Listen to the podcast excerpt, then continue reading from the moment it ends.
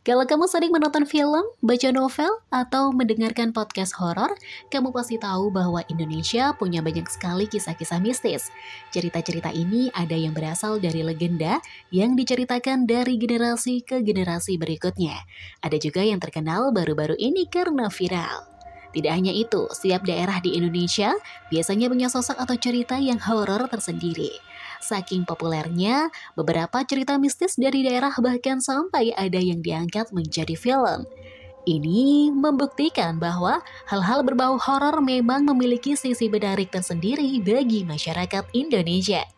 Mau tahu cerita horor kisah nyata yang paling populer di Indonesia? Yuk simak 5 di antaranya berikut ini. 1. Nyi Roro Kidul bagi penikmat kisah mistis, cerita Nyi Roro Kidul pasti sudah tidak asing lagi. Disebut-sebut sebagai Ratu Pantai Selatan, kisah Nyi Roro Kidul sangat terkenal di kalangan warga Jawa. Versinya pun bermacam-macam. Salah satunya yang ada yaitu mengatakan bahwa ia adalah putri Kandita, putri dari Raja Siliwangi.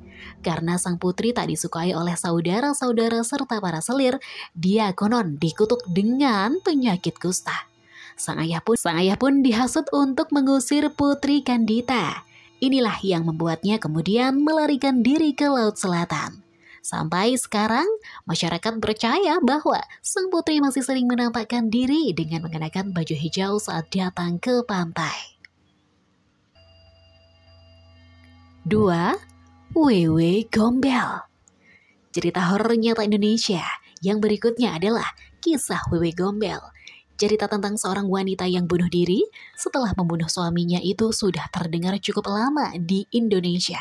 Kisah ini bermula saat wanita yang tak bisa memberi keturunan mendapati suaminya selingkuh. Wanita yang berasal dari daerah Gombel di Semarang ini pun membunuh suaminya Gombel sendiri adalah daerah yang memiliki latar belakang mistis sebagai tempat pembunuhan di masa kolonial. Wewe Gombel biasanya muncul untuk menculik anak-anak menjelang maghrib.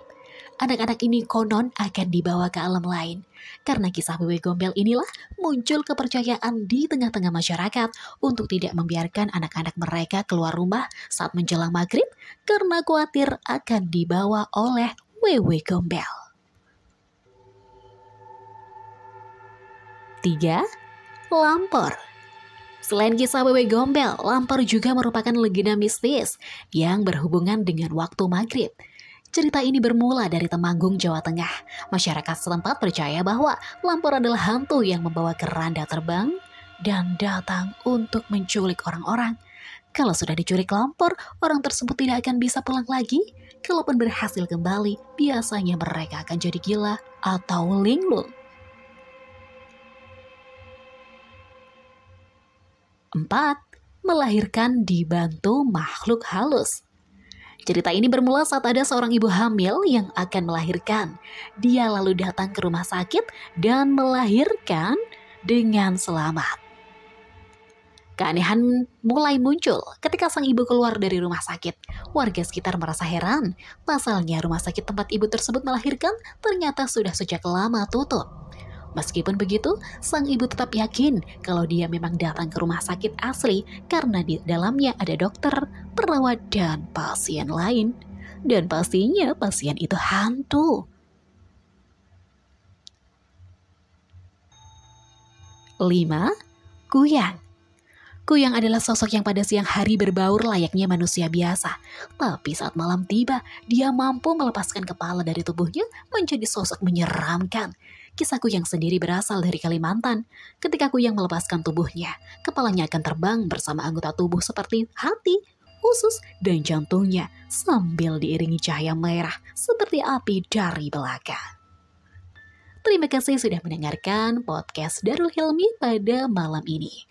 Saya doakan teman-teman pendengar Darul Hilmi semoga sehat selalu, bahagia selalu, diberkahi oleh Tuhan. Dan terima kasih. Bye-bye.